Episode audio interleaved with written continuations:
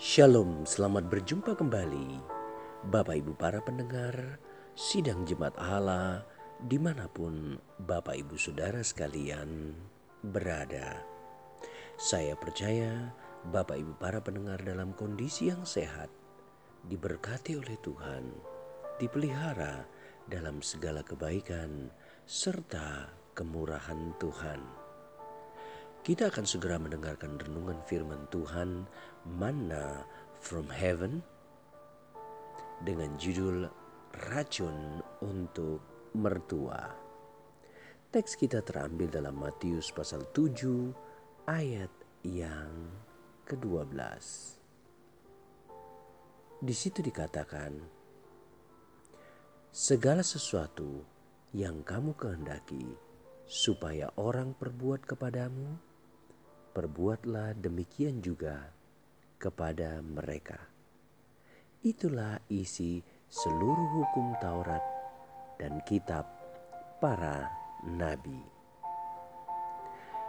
Bapak Ibu para pendengar saudara sekalian, dahulu kala di Tiongkok ada kisah tentang seorang gadis bernama Lily ia baru saja menikah dan tinggal di rumah mertuanya.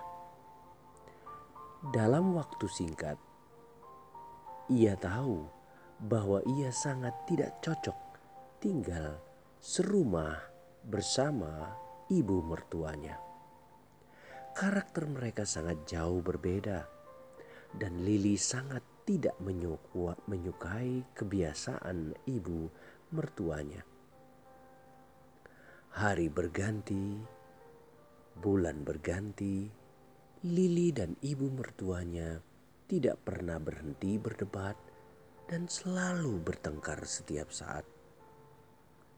Yang paling membuat Lili kesal adalah adat kuno Tiongkok yang mengharuskan ia selalu menundukkan kepala untuk menghormati mertuanya serta menaati segala kemauannya.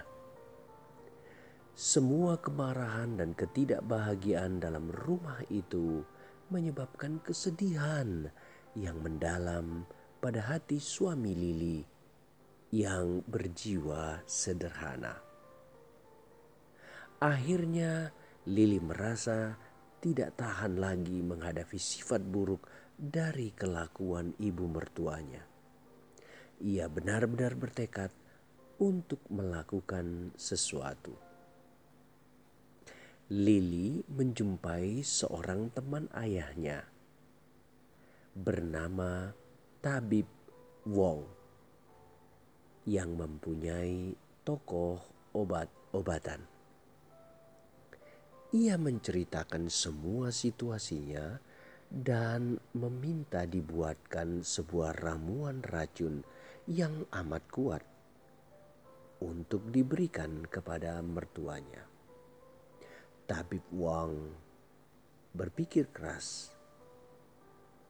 Lalu ia berkata, Lili, saya mau membantu kamu menyelesaikan masalahmu. Tetapi kamu harus mendengarkan saya dan menaati saran saya. Baik, saya akan mengikuti apa saja yang tabib katakan. Lalu tabib Wong masuk ke dalam. Tidak lama ia kembali dan menggenggam sebuah ramuan. Kamu tidak bisa memakai racun keras yang seketika mematikan untuk menyingkirkan mertuamu karena hal itu akan membuat orang curiga. Oleh karena itu, saya memberimu ramuan beberapa jenis tanaman obat yang secara perlahan akan menjadi racun di dalam tubuhnya. Tabib Wong melanjutkan, setiap hari sediakan makanan yang enak-enak dan masukkan sedikit ramuan obat ini ke dalamnya, supaya tidak ada yang curiga saat ia akan meninggal. Kamu harus berhati-hati sekali dan bersikap sangat baik padanya. Jangan berdebat, jangan bertengkar. Taati saja semua yang diinginkannya. Perlakukan dia seperti seorang ratu. Lili sangat senang. Ia berterima kasih kepada tabib Wong dan buru-buru pulang ke rumah untuk melaksanakan niatnya. Minggu demi minggu, bulan demi bulan berganti. Setiap hari Lili melayani mertuanya dengan makanan yang enak. Ia sudah menaruh bumbu obat di atasnya. Ia mengingat pesan tabib Wong tentang mencegah kecurigaan.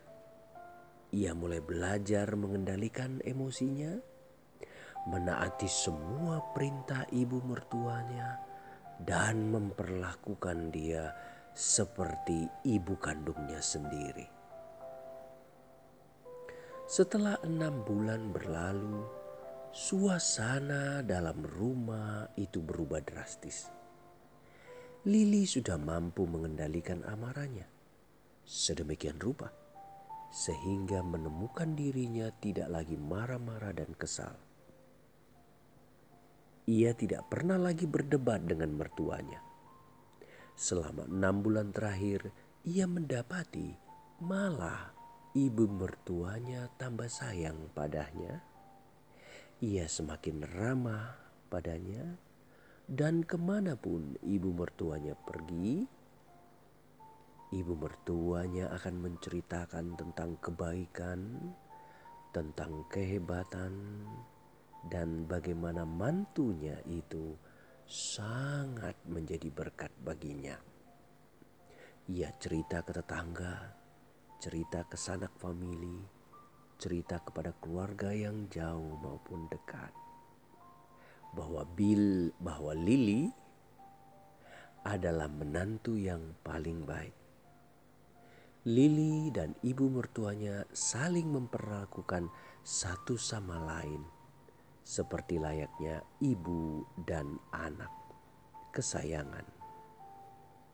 Suami Lili sangat bahagia menyaksikan semua yang terjadi dan tambah bersemangat untuk bekerja karena ia tahu kondisi rumahnya aman, tentram, dan damai. Suatu hari Lili pergi menjumpai tabib Wong kembali dan meminta bantuan sekali lagi. Ia berkata, Tabib Wong, tolong saya mencegah supaya racun yang saya sudah berikan kepada mertua saya itu tidak sampai membunuhnya.